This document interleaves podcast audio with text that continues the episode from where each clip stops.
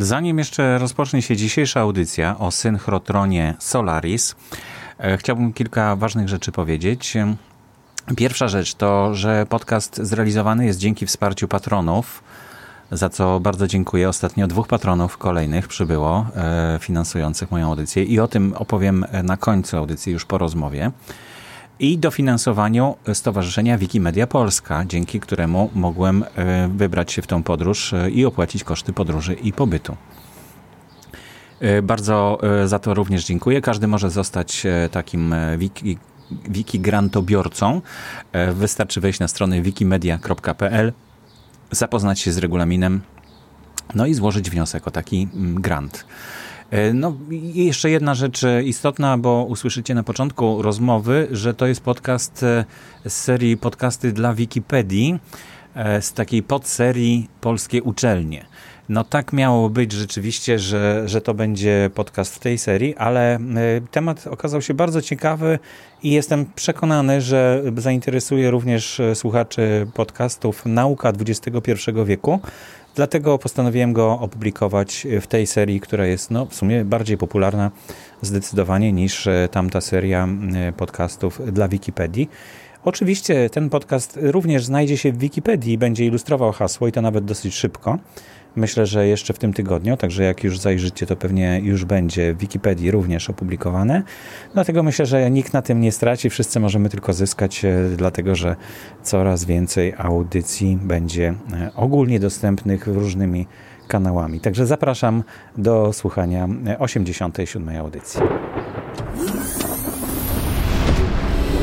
All we need to do is make sure we keep talking.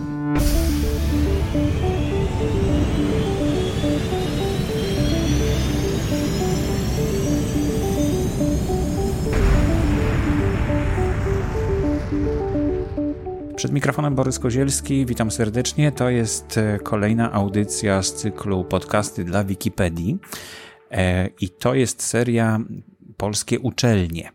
Dzisiaj spotykamy się w Krakowie.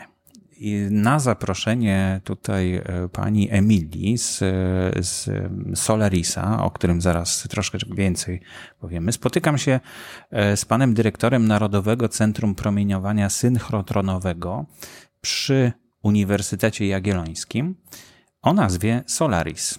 Pan profesor doktor habilitowany Marek Stankiewicz. Dzień dobry. Dzień dobry panu, dzień dobry państwu. To proszę mi przede wszystkim wytłumaczyć, co to znaczy, dlaczego to jest Solaris, bo Solaris mm, to jest powieść Lema. I wiele mm, takich nazw właśnie gdzieś stąd miało swój początek. Czy tutaj, no bo wiemy, jest firma, firma autobusowa, też się nazywa Solaris. E, I tutaj e, Synchrotron e, też się nazywa Solaris. Czy to jest wspólne źródło? No, trudno mi powiedzieć o genezie y, nazwy autobusów Solaris, skąd y, y, to prywatna firma wzięła tą nazwę. Natomiast podejrzewam, że może być, może być wspólne, bo naszym źródłem jest oczywiście tytuł powieści Stanisława Lema, Solaris. A dlaczego? Mm, otóż y, ta infrastruktura była pewnego rodzaju marzeniem dość y, dużej y, społeczności polskich naukowców, którzy robili badania na synchrotronach europejskich i światowych gdzieś od y, końca lat 80., y, kiedy te synchrotrony rzeczywiście zaczęły powstawać na całym świecie. I no, przez długie lata było to marzeniem, i w końcu to marzenie się spełniło w roku 2009, kiedy to mm, zostały przyznane pieniądze na budowę pierwszego polskiego synchrotronu, pierwszego zresztą w tej części Europy, pierwszego za żelazną kurtyną, y, dzięki Bogu już nieistniejącą. No więc było to y, taki troszkę na pewnym etapie, było to science fiction, prawda, że, że czy się spełni, czy się nie spełni, taka wizja przyszłości.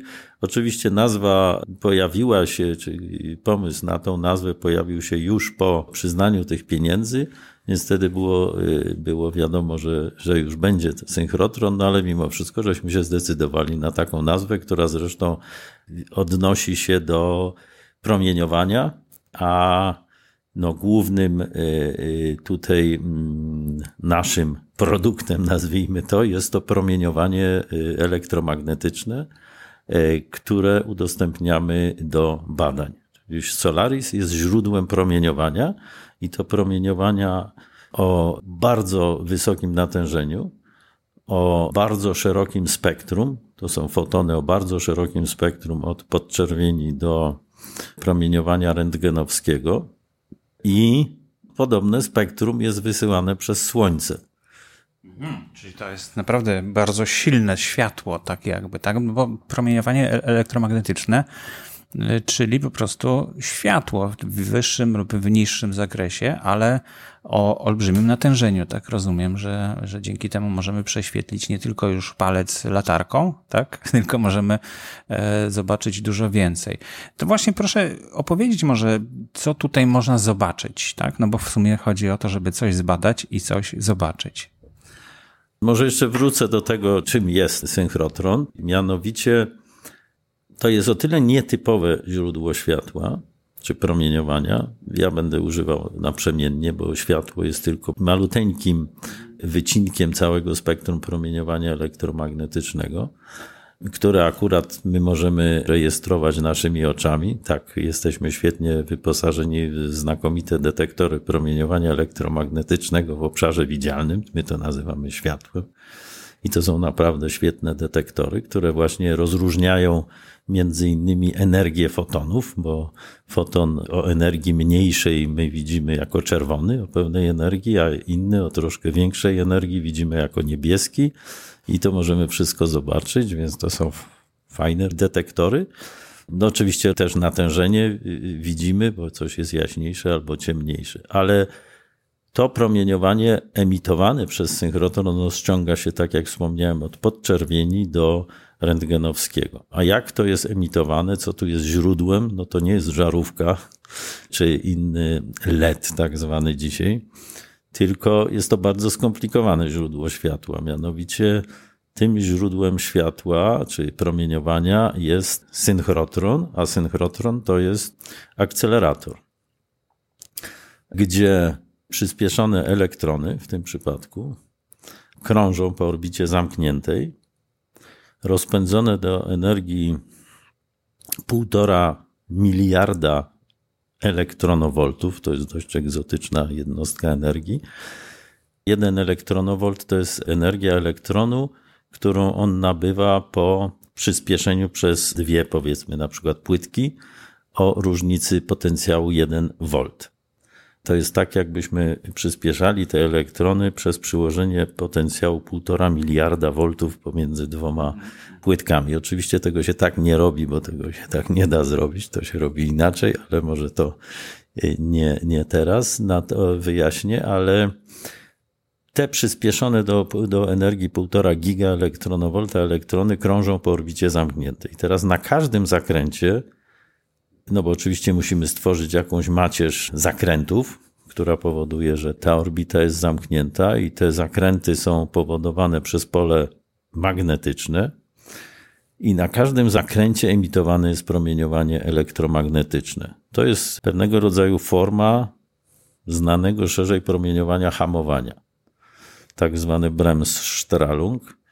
To jest znane bardziej powszechnie z lamp rentgenowskich, gdzie elektrony przyspieszone do sporej energii, ale na ogół tylko kilo elektronowoltów, czy dziesiątek kilo elektronowoltów, może i setek, w tej chwili nie pamiętam, wyhamowywują na tarczy zrobionej na przykład z miedzi. I one wyhamowywując, wypromieniują to promieniowanie y, rentgenowskie. Tam jest jeszcze inne promieniowanie, tak zwane charakterystyczne dla tarczy, ale zatrzymajmy się teraz na tym promieniowaniu hamowania, więc to promieniowanie, gdzie elektrony przy zakrzywianiu trajektorii emitują promieniowanie, to jest promieniowanie hamowania, w związku z tym, że one przy zakrzywieniu toru są poddane sile, czyli przyspieszeniu. Tylko akurat tutaj to przyspieszenie jest poprzeczne. I to spektrum promieniowania jest bardzo szerokie, właśnie tak jak wspomniałem, od podczerwieni do promieniowania rentgenowskiego. I teraz przy dużej energii, przy odpowiedniej właściwości wiązki elektronów, która krąży w tym naszym synchrotronie, to promieniowanie jest emitowane w bardzo wąski stożek, czyli można powiedzieć jest bardzo dobrze skolimowane i w związku z tym, jeżeli ono jest emitowane kierunkowo bardzo dobrze, to możemy je zogniskować też na małej plamce. W związku z tym na naszej próbce możemy mieć małe ognisko. Jeszcze muszę wspomnieć, że w synchrotronie tych wyjść promieniowania jest kilkanaście. Możemy też jeszcze instalować tak zwane urządzenia wstawkowe, gdzie to są macierze stałych magnesów i z tych urządzeń wstawkowych też uzyskiwać promieniowanie. Trudno mi w tej chwili rozwijać ten temat, bo on jest bardziej zaawansowany na temat różnic pomiędzy tym promieniowaniem z tych elektromagnesów zakrzywiających, a z tych urządzeń wstawkowych. Ale z grubsza rzecz biorąc, te urządzenia wstawkowe pozwalają na generację promieniowania w węższym zakresie, ale o dużo większym natężeniu. I teraz my możemy mieć w Solarisie do 15-16 takich źródeł promieniowania, czyli y, można powiedzieć takich latarek, którymi możemy oświecać nasze obiekty, które chcemy badać. To są działa elektronowe, tak? To, to, to co tam widziałem na dole. I, no, nie dokładnie, bo właśnie historia się zaczyna rzeczywiście od działa elektronowego, gdzie elektrony są emitowane z tego działa, następnie są formowane pewnego rodzaju paczki, wstępnie przyspieszane przez zwykłe pole radioczęstotliwości, potem są przyspieszane do energii około 600 milionów elektronowoltów w akceleratorze liniowym, także de facto my tutaj mamy dwa akceleratory, jeden liniowy, wstępny. I potem przy gdy osiągną tą energię około 600 milionów elektronowoltów, są wstrzykiwane do synchrotronu już, gdzie zaczynają krążyć. Przy pomocy tego akceleratora liniowego my wypełniamy w ciągu 5 minut, na przykład wypełniamy ten nasz synchrotron elektronami. Tam może krążyć maksymalnie w naszym synchrotronie 500 mA prądu tych elektronów i te elektrony krążą. I teraz, tak jak wspomniałem, te, na każdym zakręcie ten zakręt jest formowany przez taki zestaw elektromagnesów. One muszą być idealnymi achromatami, czyli wiązka po wyjściu z takiego zestawu elektromagnesów musi być dokładnie taka sama jak po wejściu. Dlaczego? Bo te elektrony krążą z prędkością bardzo bliską prędkości światła przy tej energii. W związku z tym nasz synchrotron, który ma obwód około 100 y, metrów, dokładnie 96 metrów, one obiegają nasz synchrotron 3 miliony razy na sekundę. Jeżeli powstawałaby jakakolwiek aberracja tej wiązki y, na którymś elektromagnesie, no to w ciągu ułamka sekundy już ta wiązka by się nam, jak to się mówi, rozjechała i by jej nie było. W związku z tym to są bardzo ciekawe, bardzo zaawansowane zestawy elektromagnesów zaprojektowane. Notabene ten projekt jest unikalny. Każdy synchrotron na świecie jest unikalny. Nasz jest szczególnie unikalny, bo po raz pierwszy została zastosowana ta taka ciekawa technologia tych zestawów elektromagnesów. One są wszystkie zrobione czy wyfrezowane w jednym bloku żelaza, ten rdzeń, tam są umieszczone cewki i tak dalej. To jest po raz pierwszy na świecie zostało to zrealizowane u nas. To jest projekt szwedzki, muszę powiedzieć od razu, i y, który nam został przekazany przez Szwedów, którzy już mieli ten projekt gotowy i równolegle do nas realizowali podobny synchrotron, jeden z dwóch w Szwecji. Drugi mają o dużo większej energii. Ale wracając do tego naszego synchrotronu, mamy te latarki, teraz na każdym zakręcie już są generowane fotony, także my nie oświetlamy czy nie bombardujemy naszych próbek elektronami, tylko my wyprowadzamy z synchrotronu wiązki fotonów. Czyli te latarki właściwie są dokładnie taką analogią do latarki, bo latarka generuje y, fotony, prawda? Czy to LEDowa, czy z klasyczną y, żarówką. Więc my mamy te latarki, no tylko różnica jest taka, że te latarki generują nam, tak jak światło, żarówka w klasycznych latarkach, ona świeciła i w podczerwieni, bo taka natura tej żarówki z włóknem wolframowym, i w podczerwieni, i w widzialnym. No już w ultrafiolecie nie generowała, bo, bo temperatura tego włókna jest za mała, żeby generować w ultrafiolecie, ale w widzialnym właśnie generowała, więc i podczerwone, bo się grzała żarówka, to też możemy odbierać podczerwone światło. Prawda? Ostatnio po, po tych zmianach w prawie, to zdaje się, żarówki zostały uznane za grzejniki. Te stare, klasyczne żarówki. E, no bo one tak naprawdę bardzo grzały kiedyś i też używano ich na fermach kurzych, e, żeby podgrzewać do oświetlania, do, do, do szklarni, do, do ogrzewania w ogóle. E, ale, ale tutaj właśnie czym się różni, bo to, to bardzo ciekawe, o czym Pan mówi. Taka żarówka generuje powiedzmy to światło około 2 elektronowolty, żeby, żeby dać tutaj y, czerwone, czerwone fotony, to jest około 2 elektronowoltów, mają energię, bo to jest y, długość światła, jest długość fali świetlnej, to jest około 600 y, nanometrów, to jest około 2 nano, 2, przepraszam, elektronowoltów. To jest widzialne czerwone.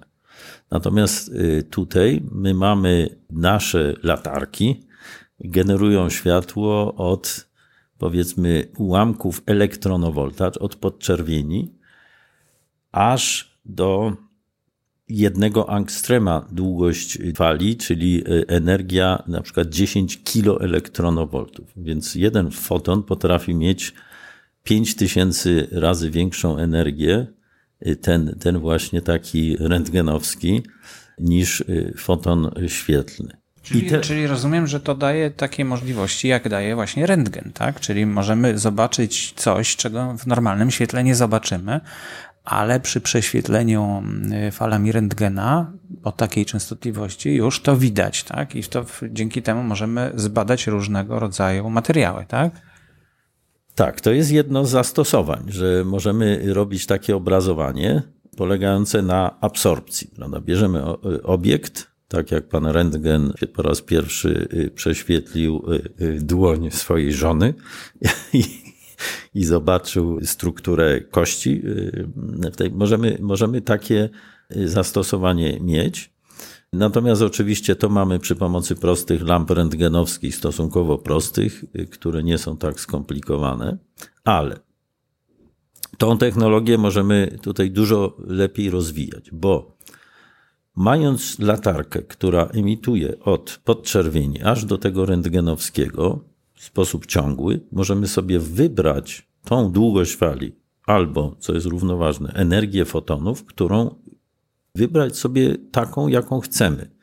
A jaką chcemy, no to już świadomy badacz czy naukowiec wie, jaką chce energię i wie dlaczego. I teraz takie obrazowanie, o, o którym żeśmy przed chwilką mówili, można zrobić tak zwane obrazowanie różnicowe. Znane są oczywiście zdjęcia rentgenowskie z kontrastem, tak zwanym. Dajemy substancję, która daną długość fali emitowaną przez lampę rentgenowską absorbuje lepiej i wtedy mamy wyartykułowane na przykład cały układ krwionośny, gdzie rozeszła się ta substancja. Natomiast tu możemy zrobić jeszcze lepiej, zrobić prześwietlenie poniżej, my to nazywamy progu absorpcji tej substancji, którą żeśmy dali pacjentowi do układu krwionośnego i zrobić zdjęcie fotonami o energii takiej, gdzie już jest to absorbowane, y, które są absorbowane przez tą substancję. I teraz po odjęciu tych dwóch zdjęć, w cudzysłowie, likwidujemy wszystkie obiekty, które nie były wypełnione tą substancją i w związku z tym ten obraz układu krwionośnego jest o wiele, wiele lepiej widoczny aż do najmniejszych naczyń krwionośnych. Bo nic go nie zakłóca po prostu, tak. bo ca, całe tło jest usunięte. Na przykład, prawda, w normalnym prześwietleniu klatki piersiowej z tym układem naczyń krwionośnych dookoła serca, zawsze będziemy mieli przy normalnym zdjęciu rentgenowskim, będziemy mieli widoczne żebra, prawda, bo kości absorbują i tak dalej, i to nam zakłóca ten obraz. I, i natomiast jeżeli odejmiemy te, te dwa zdjęcia, gdzie przy jednej długości fali i przy drugiej długości fali te żebra tak samo absorbowały, no więc tam się wszystko zredukuje do zera i zostanie tylko obraz tych naczyń krwionośnych. I takie badania są robione. Ale to jest jedno z wielu zastosowań i z wielu technik, bo te latarki, one my mamy właśnie przez to, że mamy, mamy te nasze detektory, my zawsze myślimy, ok, promieniowanie to jest promieniowanie odbite albo zaabsorbowane i to są obrazy. To promieniowanie jest y, stosowane jak gdyby przez nas do uzyskania obrazów. Ale te obrazy mogą być o wiele bardziej skomplikowane i trudno je nawet nazwać obrazami, bo my tymi latarkami możemy wygenerować pewne procesy zachodzące w materii. Tak zresztą jak się dzieje z promieniowaniem w zakresie widzialnym. No, my w ogóle istniejemy, y, Ziemia, życie na Ziemi dzięki temu, że dociera do nas promieniowanie ze Słońca. Czyli energia ze Słońca w postaci promieniowania. To jest przekaz energii, którą dostaje Ziemia ze Słońca. I teraz ta energia, te fotony są używane, znaczy używane, one wywierają różne efekty. Cała przyroda, flora działa dzięki fotosyntezie. No tak. Prawda? I teraz fotony są absorbowane różne mechanizmy zachodzą, które powodują wzrost roślin, to, że tam jest barwnik zielony i tak dalej, i tak dalej. Notabene y, ciekawe doświadczenie, polecam ciekawym, żeby zrobili sobie wyciąg chlorofilu, trzeba jakieś zielone liście wrzucić do etanolu, który jest dostępny dość łatwo. Wtedy przechodzi do etanolu, y, przechodzi chlorofil, zakupić za 20 parę złotych laser ultrafioletowy i na portalach, nie będę reklamował, na portalach, gdzie można kupować rzeczy i poświecić ten roztwór y, y, tą, y, tym laserem ultrafioletowym. Zresztą nie musi być laser, ale to ładniej widać z lasera. I zobaczymy, że chlorofil absorbuje promieniowanie ultrafioletowe, a generuje promieniowanie czerwone. Zobaczymy ślad tego lasera na czerwono. I teraz widać, tam się coś dzieje. Promieniowanie ultrafioletowe jest absorbowane jako promieniowanie o wyższej energii, a emitowane są fotony o niższej. I ta energia tam została, prawda? I ona coś robi w tym chlorofilu. Jak on, ten chlorofil jest w roślinie, ona dostarcza energii tej roślinie. Więc i to jest przykład taki bardzo prosty, czy stosunkowo prosty.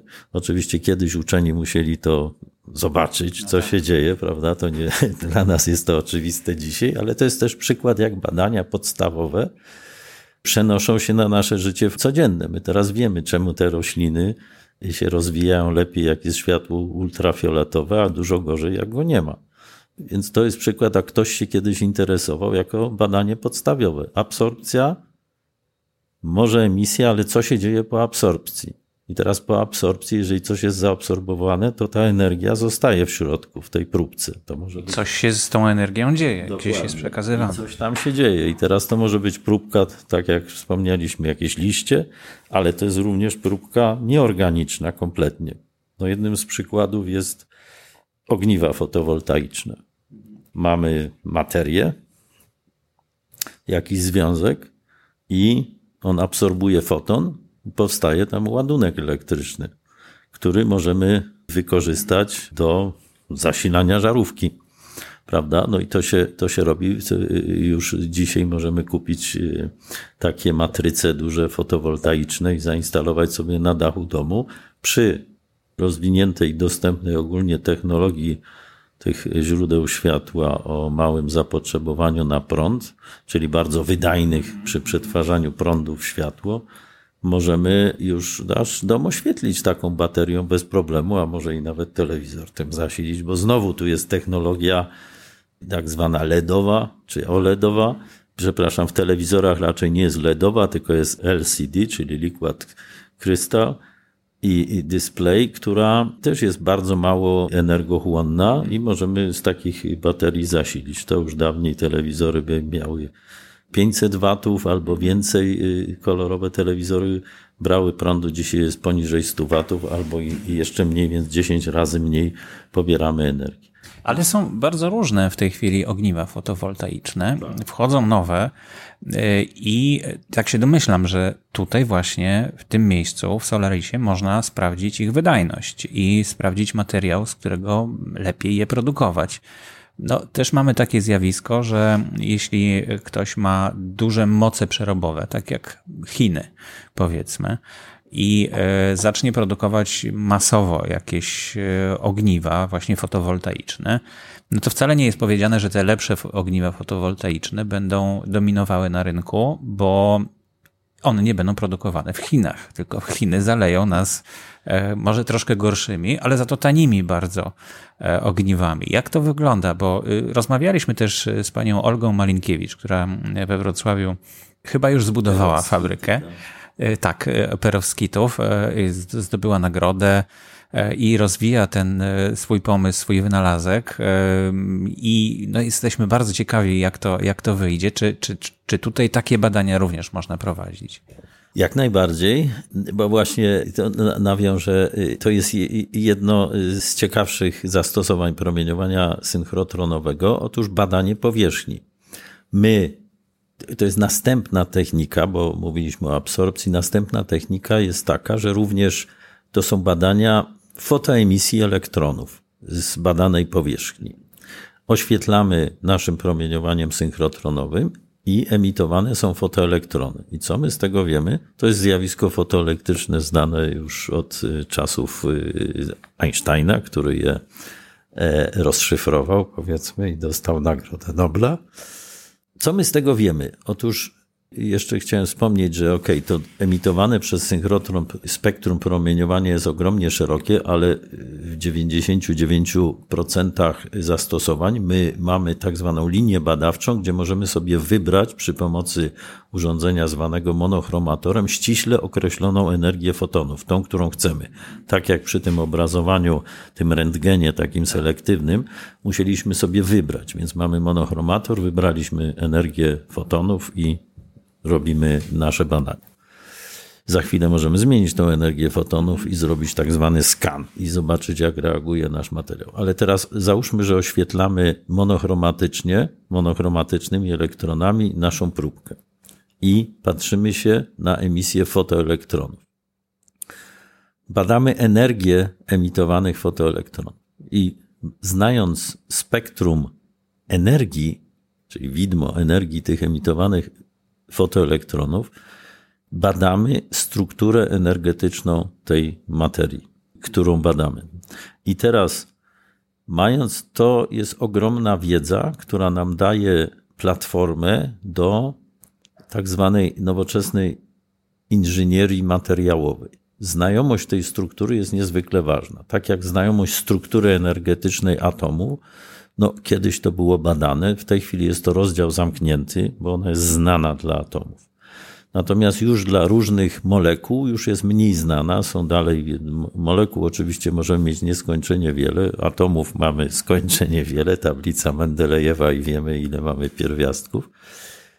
Molekuły mogą kombinować, mogą być w takiej, y, powiedzmy, dwuatomowe, pięcio, stuatomowe i tak dalej, a następnym materiałem, który ma strukturę energetyczną, no to jest ciało stałe, prawda?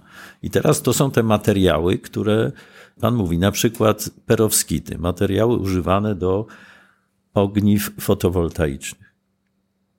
Teraz to, co Pan wspomniał o Chinach i produkcji ogniw fotowoltaicznych jest prawdą, ale zarówno Chiny, jak i pozostałe kraje i cały świat pracują nad tym w tej chwili, nie nad, powiedzmy, zoptymalizowaniem produkcji obecnych ogniw, bo oczywiście w tym momencie siła robocza i Chiny to jest nie do przebicia.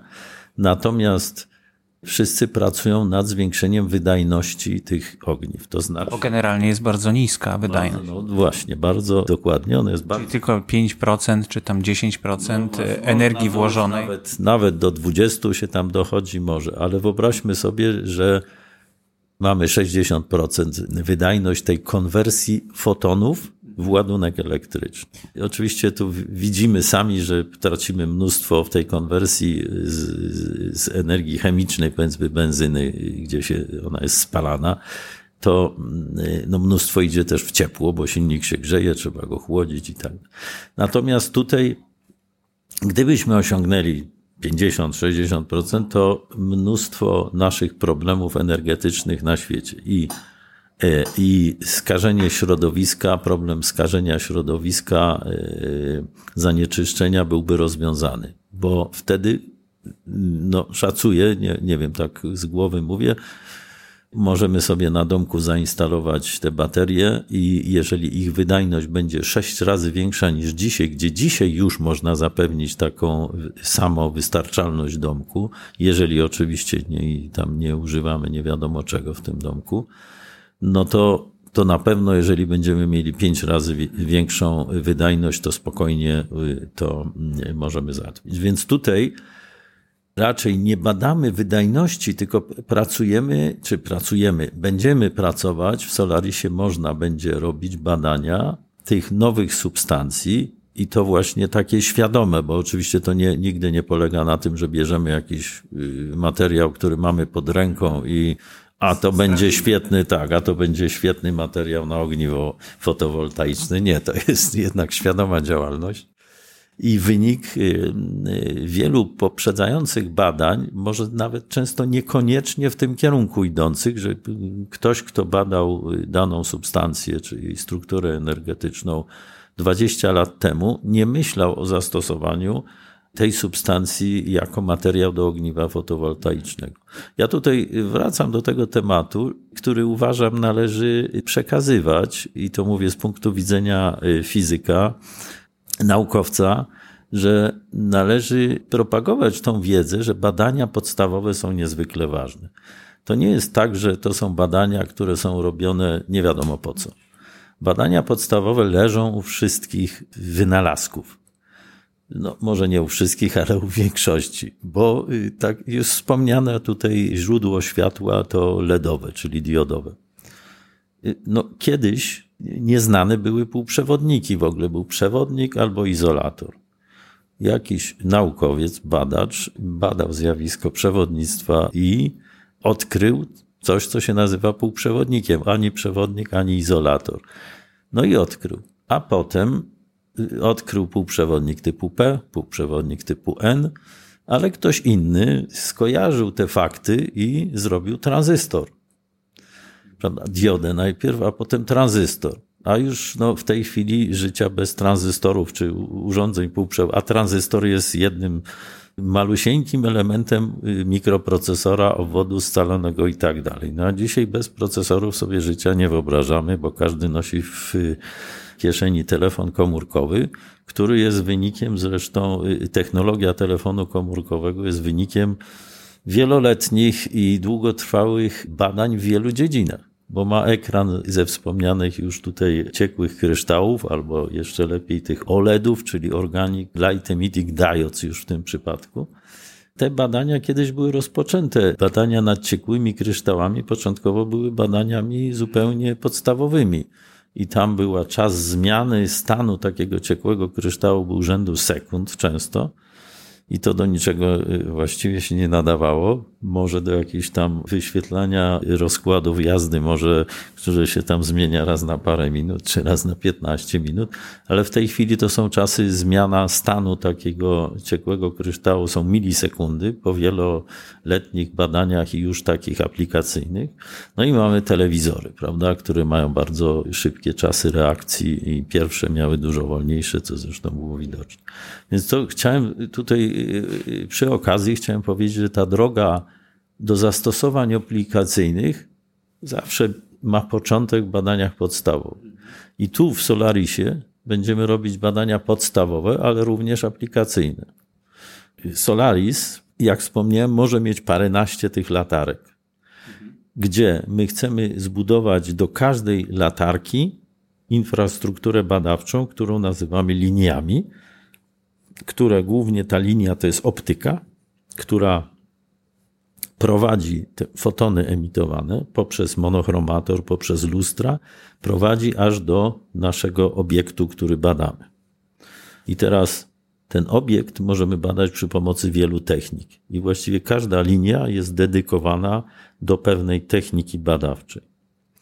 Jakie budujemy linie, to zależy od wielu czynników. W tej chwili budujemy linie, które są wynikiem sondażu, który przeprowadziliśmy wśród społeczności badaczy w Polsce.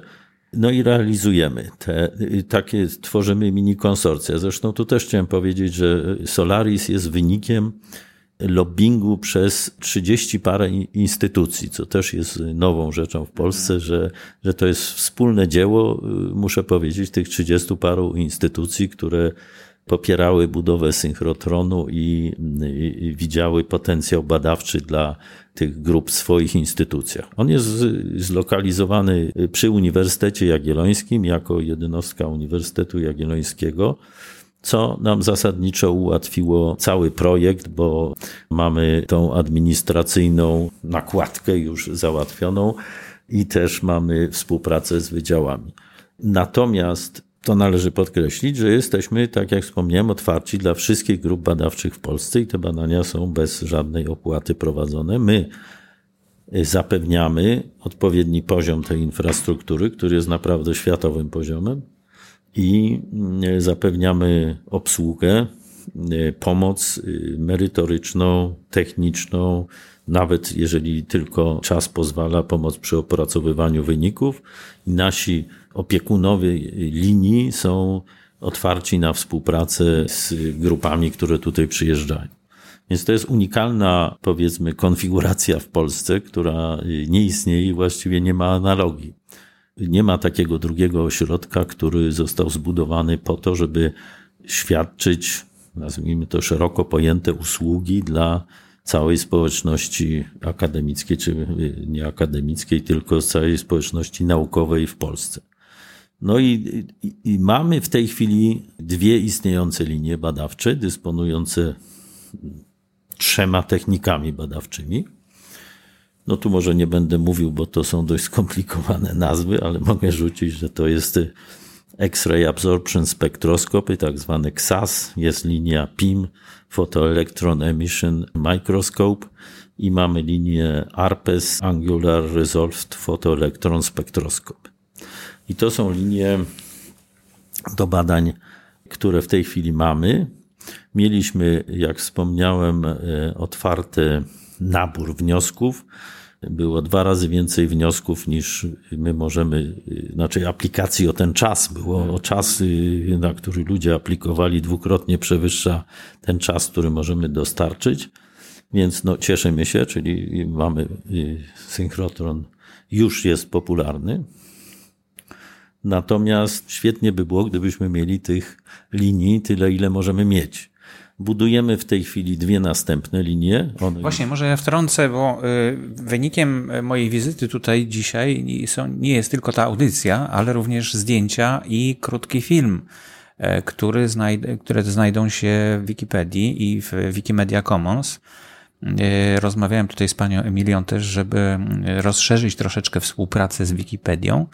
E, i jest jak najbardziej chęć i ochota do tego. Dlatego wszystkie materiały, które dzisiaj udało nam się zgromadzić i te, które powstaną, będą gromadzone w kategorii e, Solaris, czyli tego synchrotronu. I, I, jeśli ktoś e, z Was chce po prostu dowiedzieć się dokładniej, wiedzieć, co, co, co tutaj jest, jak to wygląda i, i jakie są materiały, no to właśnie w tej kategorii Wikimedia Commons można znaleźć. E, ale właśnie tam e, mogłem sfotografować trzy takie linie, prawda? Czyli e, to znaczy jedna, która jest budowana dopiero, to jest niebieska bodajże. Ja to będę tak nazywał, jak widzę. Żółta jest budowana. Żółta jest budowana, tak? Jest jeszcze niebieska i zielona, tak? No i właśnie ta niebieska to jest ten wspomniany już wcześniej XAS, czyli X-Ray Absorption Spectroscopy a zielona to jest X-ray absorption spectroscopy, ta mikroskopia fotoelektronów. Tam są dwie techniki, dwie stacje końcowe a y, zielona to jest y, ta analiza kątowa fotoelektronów, po polsku już, już powiem. I teraz to są, to są te dwie, które działają, na których mamy już regularnie użytkowników. Przyjeżdżają, zmieniają się co parę dni i to są grupy z całej Polski, ale też z zagranicy, bo tak jak wspominałem, jesteśmy w tym konsorcjum y, międzynarodowym. Żółta jest budowana, to też będzie linia przeznaczona do kątowej analizy fotoelektronów. To będzie jedna stacja, ale tam będzie też druga gałąź tej linii, czyli ta latarka będzie albo świeciła troszkę w lewo, nazwijmy to symbolicznie, albo troszkę w prawo, albo do jednej stacji końcowej, albo do drugiej stacji końcowej. To jest bardzo efektywne wykorzystanie. I te linie, które mamy w tej chwili, próbki, które badamy, znajdują się w próżni. Natomiast są bardzo ciekawe badania, ale jest je trudno realizować, mianowicie do badań na przykład emisji fotoelektronów w ciśnieniach zbliżonych do ciśnienia atmosferycznego. To są trudne badania, bo, foto, bo elektrony no, w powietrzu, one daleko nie, nie rozchodzą się po prostu, bo są absorbowane oczywiście przez molekuły, tak, azotu czy tlenu i to są trudne badania, ale to, co ciekawe, to, ale bardzo ciekawe badania, bo one y, pokazują zachowania próbek w tych warunkach, w jakich rzeczywiście te próbki są.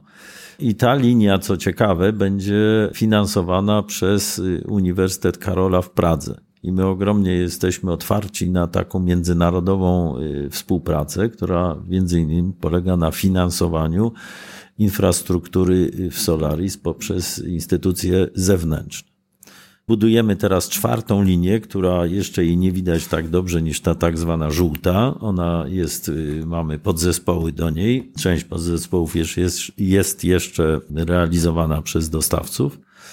To jest linia do badań X-ray magnetyzm dichroism, czyli zjawisk magnetycznych w próbkach. No to też są badania podstawowe, ale one są z myślą o badaniach aplikacyjnych, już z konkretną myślą o pewnych materiałach, które mogą znaleźć zastosowania aplikacyjne.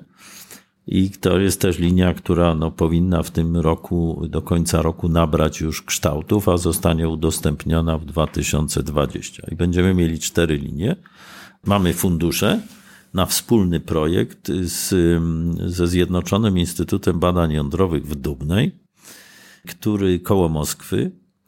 I to jest bardzo ciekawy projekt. Dzięki tym funduszom i dzięki tej współpracy zbudujemy linię do badań przy użyciu fotonów bardzo wysokoenergetycznych. I to będzie linia do badań struktury białek na przykład, czyli tak zwana krystalografia białek. Za to została przyznana Nagroda Nobla i dla chemików właśnie za badania na synchrotronie. To jest technika, która została, no jest możliwa dzięki istnieniu synchrotronów. I to chcemy zrobić. Oczywiście tu chciałem powiedzieć, że Solaris jest jednym z tych 13 ośrodków synchrotronowych w Europie. We wspomnianych tutaj Chinach jest chyba cztery. W Japonii jest chyba sześć takich ośrodków i jak się zobaczy mapę tych ośrodków synchrotronowych na świecie, to one są skupione w zachodniej Europie, w Stanach Zjednoczonych oraz na Dalekim Wschodzie. Chiny, Korea Południowa i Japonia. I no, bardzo się cieszymy, ja się cieszę, że dołączyliśmy się do tej, do tej grupy krajów, które, które mają taki ośrodek, który umożliwia zaawansowane badania. Nasz ośrodek jest średniej wielkości ośrodkiem i są synchrotrony o wiele większe na świecie i właśnie ukierunkowane w stronę tych badań z zastosowaniem fotonów o bardzo wysokiej energii o energii nawet 100 kiloelektronowoltów, to jest energia fotonu, to jest już jedna dziesiąta, to są długości fal no, subangstremowe, subangstremowe, jedna, czyli 100 nanometrów wręcz długość fali. Ale skoro pan profesor już e, o takich e, mocach mówi, no to, to, to wspomnijmy o CERNie, e, o Zurichu, o, tak. o bozonie Higgsa, tak. który, no to wszyscy słyszeliśmy o tym. I proszę nam podać skalę porównawczą właśnie do tego naszego tutaj malutkiego akceleratora. Tak, no więc no, ja oczywiście bardzo lubię te, te odniesienia do CERN-u, gdzie Solaris jest jakoś w kontekście CERN-u wymieniany i no niemniej chciałbym zachować proporcję, że, że to jest po pierwsze celem CERN-u są kompletnie inne badania, bo to są badania ukierunkowane do właśnie znajdowania nowych cząstek, na przykład bozonu Higgsa, gdzie bombardujemy cząstkami, czy zderzamy cząstki razem z siebie, znane cząstki razem z siebie, z ogromną energią i im większa energia, tym możemy dowiedzieć się więcej, bo po prostu te cząstki są odzierane z siebie, prawda? Rozpadają. Rozpadają się na coraz mniejsze, coraz mniejsze. To są oczywiście niezwykle ciekawe badania, bo one nas y, prowadzą w stronę początku świata i co tam się działo, co zawsze chcemy wiedzieć, a często przekracza nasze y, wyobrażenie nawet, więc y, tym większe, powiedzmy, uznanie dla ludzi, którzy się tym zajmują. Natomiast, no więc tam produktem tych systemu, to jest ogromny system akceleratorów w CERNie, jest ogromny, jest y, wiele doświadczeń prowadzonych naraz w CERNie, ale tam y, produktem tych akceleratorów jest, y, są cząstki, które są wyprowadzane i następnie zderzane ze sobą albo no, naprzeciw siebie, na przykład tak jak przy tych badaniach, które doprowadziły do bozonu Higgsa. Natomiast no, y, synchrotrony w tej chwili, jeżeli są synonimem źródeł promieniowania synchrotronowego, jeżeli ktoś powie, że w danym kraju jest synchrotron, to jest to synchrotron jako źródło światła, jako źródło promieniowania. Więc tu jest zasadnicza różnica. No i oczywiście y, nie znam budżetu CERN-u, ale zakładam, że budżet CERN-u, koszty w ogóle zbudowania CERN-u były no nie wiem, dziesiątki razy, o ile nie setki wyższe niż zbudowania Solarisa. No, ale powierzchnia też jest no, dużo większa. Tam są kilometry, prawda? My mamy tutaj no już obwód, obwód synchrotronu, budynek jest, prawda? Hala eksperymentalna jest 50 na 60 metrów, więc to jest powiedzmy skala malutka, ale są też synchrotrony duże, na przykład w Desy, gdzie tor tych cząstek to są kilometry, z tym, że tam tylko na pewnym odcinku jest wykorzystywane jako źródło promieniowania synchrotronowego. Natomiast no wracając do kosztów, to mogę, mogę tu zawsze e, e, ciekawostkę powiedzieć, bo koszt Solarisa to był całkowity koszt budowy, zrealizowania projektu, gdzie to było, to jest tak zwany po angielsku Greenfield Project, gdzie tutaj była łąka, wcześniej nic nie było, więc cały budżet obejmował wybudowanie budynku, wybudowanie tych systemów akceleratorowych i zbudowanie dwóch linii eksperymentalnej, oczywiście utrzymanie wszystkich uczestników, którzy brali udział w tym projekcie budowy. I ten koszt to były y, pieniądze przyznane na początku 40 milionów euro, potem zwiększone o 10 do 50 milionów. Więc całkowity koszt 50 milionów. Zrealizowaliśmy to w 5 lat tak jak było przewidziane, to y, muszę powiedzieć, że dzięki zespołowi to się super udało i, i tutaj pełne uznanie dla całego zespołu. Ale można myśleć, że 50 milionów euro to jest bardzo dużo i ogromny koszt, i czy, czy, czy Polskę na to stać, tak? Czy nasze społeczeństwo uzna, że powinniśmy finansować takie takie inwestycje. No to odpowiedź znamy, bo nie stać nas na to, żeby nie inwestować w ten sposób. Podobnie jest y, z elektrowniami jądrowymi, których u nas nie ma. I też nas na to nie stać, żeby, żeby, żeby ich nie było. No i dlatego spalamy węgiel, tak?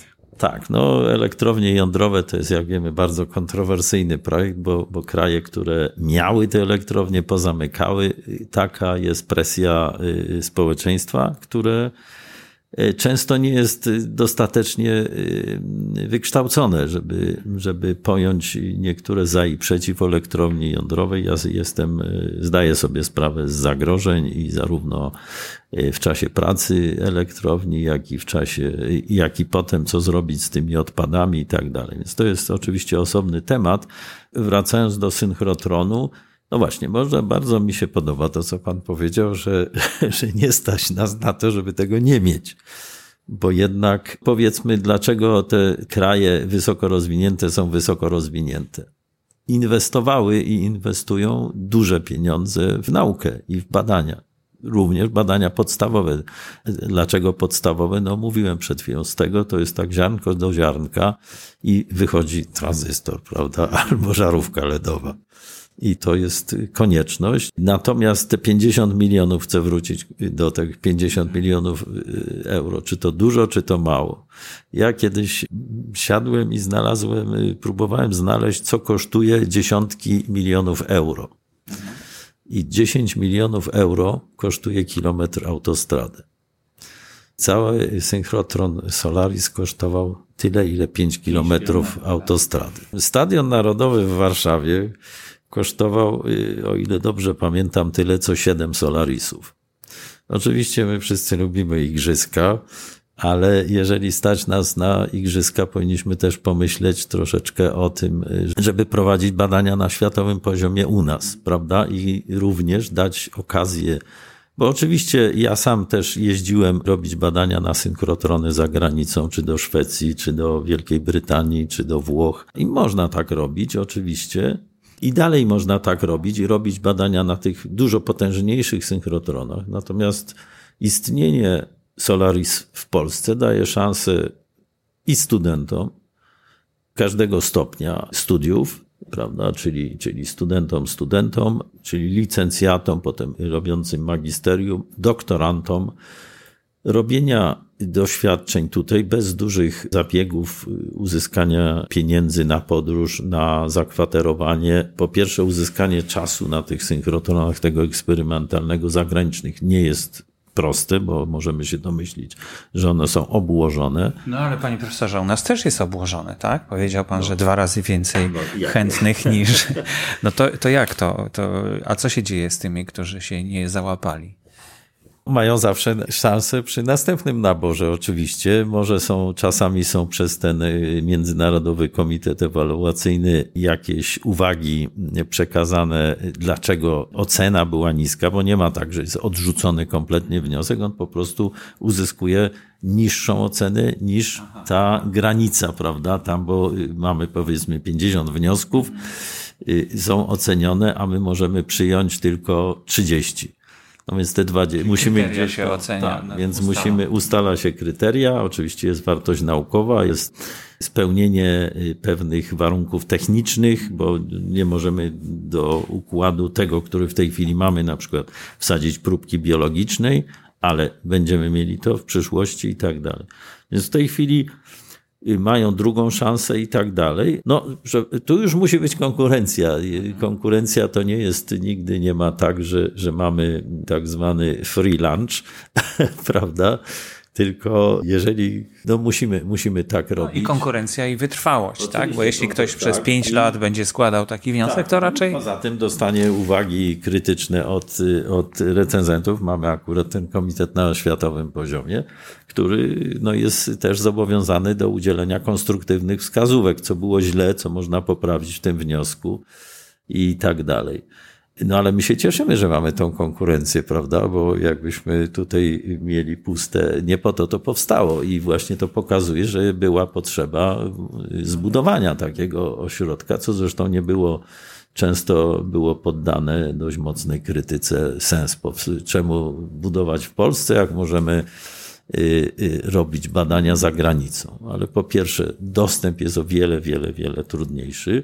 Nie ma, nie zaaplikują na jakieś takie testowe pomiary, prawda? My możemy tutaj śmiało, mamy tak zwane friendly users i tak dalej, możemy rozmawiać z tymi mniej doświadczonymi grupami bo przy współpracy z naszymi opiekunami linii tutaj możemy przeprowadzać jakieś testowe też y, w, w tak zwanym wolnym czasie, czasie, który jest na testowanie właśnie linii czy usprawnianie jej, bo to jest takie nigdy niekończąca się historia przy tak zaawansowanej y, infrastrukturze.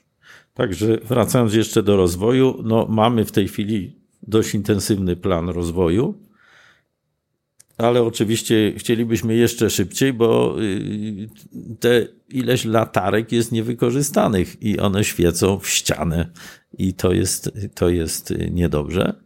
No bo każdy takie taki, taki zakręt tak, emituje, prawda? Tak, Czy, tak. A, a tylko trzy na razie są wykorzystywane, tak? tak? No nawet, nawet nie trzy, tylko dwie, ale mówię, mamy już y, dwie następne pieniądze i budujemy i pieniądze na tą potężną infrastrukturę, więc tam we współpracy ze Zjednoczonym Instytutem Badań Jądrowych, no to jest ciekawa konfiguracja, mogę długo o tym opowiadać, ale w ten sposób grupy, które ten Zjednoczony Instytut Badań Jądrowych istnieje od dawna i państwa członkowskie to oczywiście jest Rosja plus byłe republiki, w tej chwili niezależne kraje byłego Związku Radzieckiego, ale tam y, są bardzo dobrzy naukowcy, którzy będą mieli szansę tutaj przyjechać. To jest finansowane przez y, Instytut, y, ten Zjednoczony Instytut Badań Jądrowych w Dubnej. Będą mieli szansę przyjechać, ale 50% czasu tej linii będzie dla naszych użytkowników. Natomiast, no, oczywiście ja jestem zwolennikiem współpracy międzynarodowej, bo ci naukowcy z tych krajów będą mogli przyjeżdżać tutaj, pokazywać nam pewne pomysły, dzielić się tymi pomysłami, realizować swoje często bardzo dobre y, programy naukowe, gdzie nie mają szansy tego robić w inny sposób. Mhm. No to jeszcze na koniec bardzo dziękuję za tą długą wypowiedź. Myślę, że będzie świetną ilustracją do hasła e, w Wikipedii. Muszę powiedzieć, że spotykamy się 29 kwietnia 2019 roku. E, no bo tu się tak szybko wszystko zmienia, że, że za rok to już będą się ludzie dziwić, no jak to dwie linie, przecież już jest trzecia, czwarta, piąta i tego panu profesorowi i wszystkim naukowcom w Polsce życzę. Dziękuję bardzo. Bardzo dziękuję.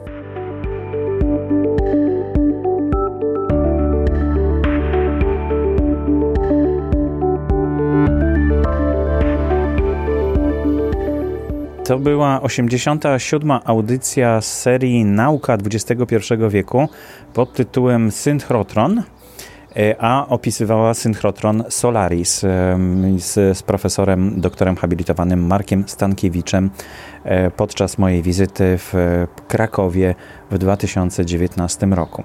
Na stronie odcinka podcastu, czyli na stronie nauka.podcasty ukośnik 87 E, znajdziecie zdjęcia, które są zamieszczone. No moje z profesorem, taki selfik e, i z Albertem Einsteinem.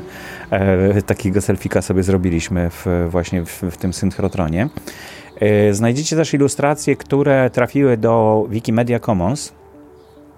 I w dodatku jest ich tutaj więcej, bo prawdopodobnie nie wszystkie zostaną zaakceptowane w Wikipedii.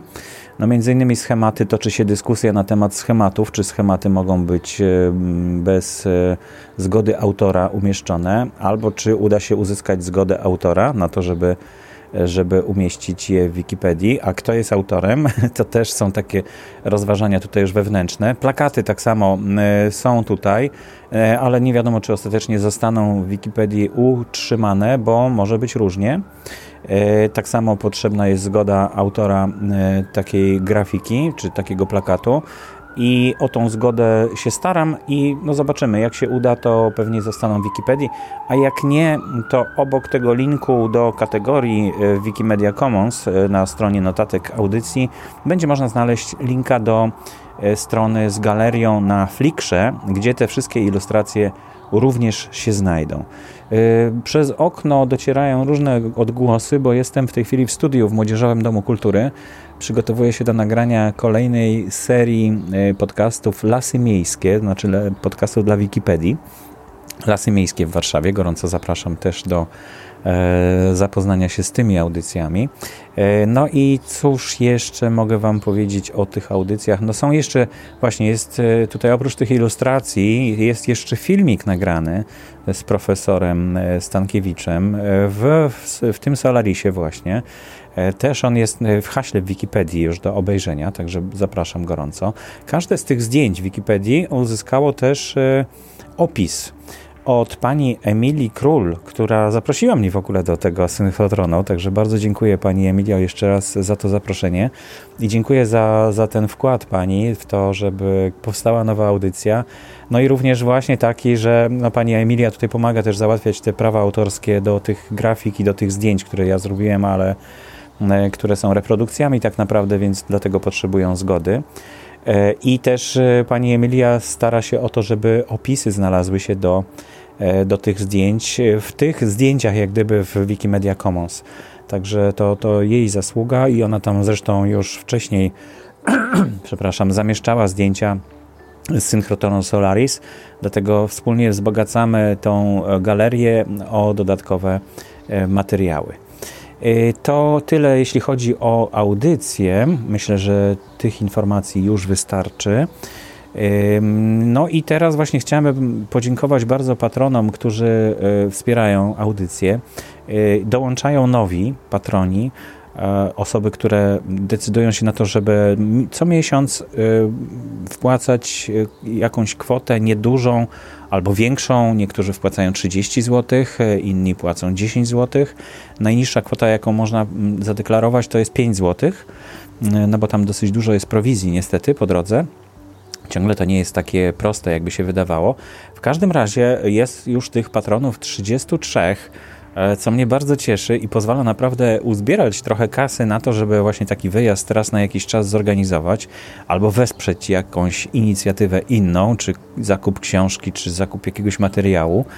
E, także bardzo, bardzo dziękuję i bardzo się cieszę i gorąco zapraszam do tego, żeby zostać patronem. E, I tak jak mówię, ostatnio zostało mm, patronami dwie osoby, które są słuchaczami nauki XXI wieku, dlatego bardzo chciałbym przytoczyć, co mi odpisali na pytanie, e, jak to się stało, jak trafili do podcastu i dlaczego zostali patronami. Pierwszy z nich to Donat i pisze w ten sposób. Cześć, jestem słuchaczem nauki XXI wieku i mogę Tobie powiedzieć, że uważam ją za najlepszy polski podcast. Trafiłem na niego kilka lat temu w iTunes, szukając audycji na temat fizyki, które zastąpią mi nierzadko zbyt trudne do opanowania książki w tym temacie. Bardzo miłe słowa, bardzo Ci dziękuję. Naprawdę wyobrażacie sobie, jakie to przyjemne otrzymywać takie e-maile i tak sobie rano otworzyć i dzień się staje zupełnie inny, jaśniejszy, przyjemniejszy, także, także naprawdę bardzo fajnie. E, nie zawodzisz od samego początku. Każda audycja, nawet na taki temat, który z pozoru wydaje się mało interesujący, jest zawsze niezmiernie ciekawa.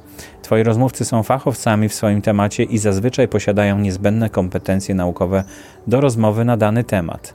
Wierzę, że robisz to, bo jest to Twoja pasja i uważam, że trzeba wspierać takie przedsięwzięcia finansowo, tak abyś mógł poświęcać swój czas na podnoszenie jakości w polskim internecie i dalej dawaj nam wiedzę z wysokiej półki.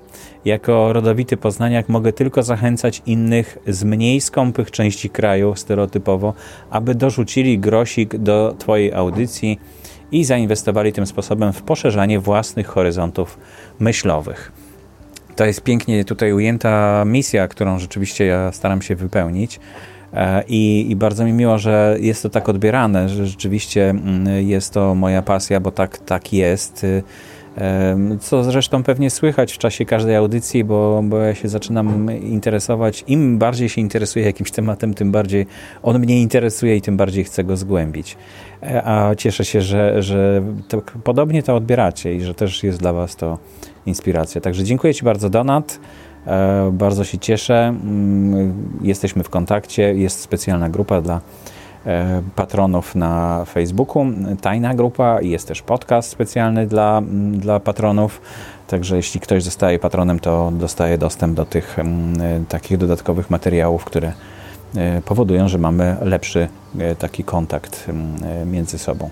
No i jeszcze Dominik do mnie napisał list, który czytałem kilka razy. Naprawdę bardzo mnie też poruszył. Szanowny panie, na Pana audycję Nauka XXI wieku trafiłem zupełnie przypadkiem, przeglądając ofertę podcastową Spotify. Mam pewną cechę, mianowicie nie znoszę gotować w ciszy. Lubię posłuchać czyjegoś głosu podczas pracy w kuchni. E, stąd pana audycję, stąd pana audycji słucham przede wszystkim wieczorami, przygotowując kolację oraz w podróży. Sporo jeżdżę pociągami na krótkich trasach. Pomagają mi się one dokształcać, często stanowią znaczną część moich źródeł podczas prac szkolnych. We wrześniu kończę gimnazjum i zacznę naukę w liceum. Hm. Nie wiążę mojej przyszłości z naukami ścisłymi, jednak tematy takie jak energetyka czy wybrane zagadnienia z zakresu chemii, fizyki bardzo mnie ciekawią. Dziękuję panu za wszystkie pouczające rozmowy, jakie do tej pory pan opublikował oraz liczę na więcej. Bardzo dziękuję. Dzięki również tobie, Dominik, te audycje będą powstawać, bo właśnie taki, taki sposób e, finansowania mm, treści, które odbieramy, wydaje mi się najbardziej, e, najbardziej logiczny, najbardziej prawidłowy i taki bezpośredni, prawda? No, zobaczcie, co się stało z ostatnim dokumentem, który wstrząsnął całym światem w Polsce, ludźmi w Polsce. To jest dokument, y, którym, o którym się mówi, że to jest dokument braci Sekielskich. I tak wydaje mi się, że trzeba mówić, bo mm, jak gdyby to jest ważniejsze, kto jest autorem, niż e, to, jaki ma tytuł ten film. Wszyscy wiemy, o czym jest ten film. Zupełnie z innej działki, ale jest to również dziennikarstwo. I w dodatku to jest to dziennikarstwo, e, które mm, no, nie, nie ma szans być finansowane w inny sposób. Jak się okazało, ani stacje publiczne, ani stacje komercyjne nie zdecydowały się na to, żeby zostać producentem takiego, e, takiego dokumentu. Coś, co jak gdyby mm, wydawało się, że no mamy stacje niezależne, stacje telewizyjne, czyli te komercyjne. Okazuje się, że one są również jakoś uwikłane i że no, nie są niezależne.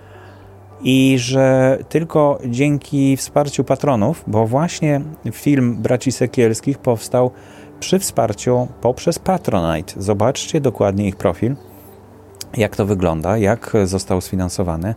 No i już e, dzięki temu będą mogły powstawać kolejne takie dokumenty, które rozjaśnią nam sytuację już naprawdę jako media niezależne, bo tutaj o niezależności to można długo dyskutować, ale w momencie, kiedy kiedy no, taka firma, która mieni się niezależną, mówi, że czegoś nie może zrobić, e, bo, bo z różnych względów, no to znaczy, że jednak jest od czegoś zależna. A takie rzeczy e, powinniśmy wiedzieć e, niewątpliwie jako społeczeństwo. E, troszkę zboczyłem z tematu nauki XXI wieku, ale, ale myślę, że to ważny jakiś przełom jest taki w tym miejscu, w, tym, w, te, w tej sytuacji naszej w kraju i w ogóle w społeczeństwie, w finansowaniu niezależnego dziennikarstwa, że, że ono przechodzi do takiej sfery, no bo już widzieliśmy, że i są podcasty, prawda, jako niezależne audycje, podcasty, są też wideo, na YouTubie też jako niezależne dziennikarstwo występują, a niekoniecznie dziennikarstwo, ale też programy rozrywkowe.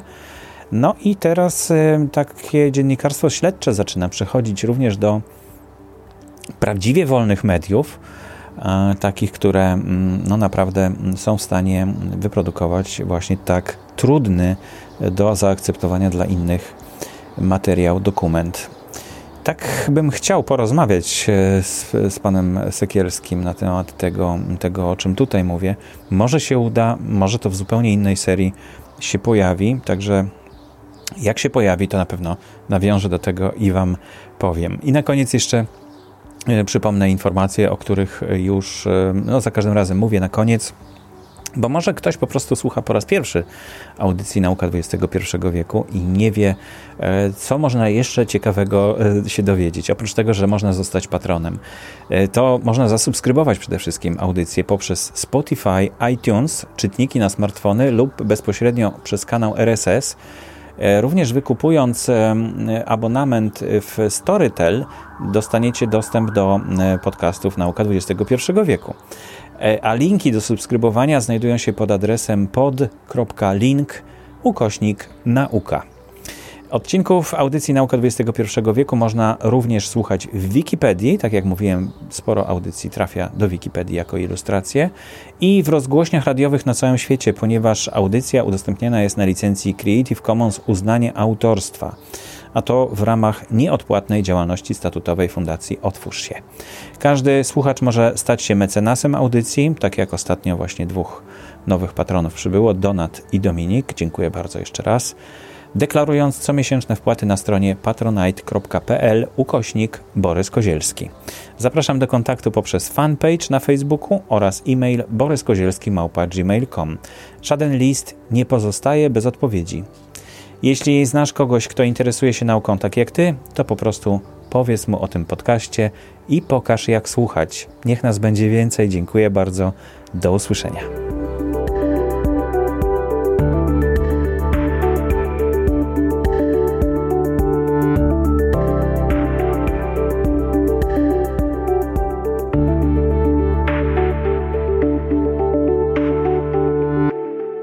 Audycję sponsoruje Fundacja Otwórz się, która wspiera rozwój podcastingu w Polsce.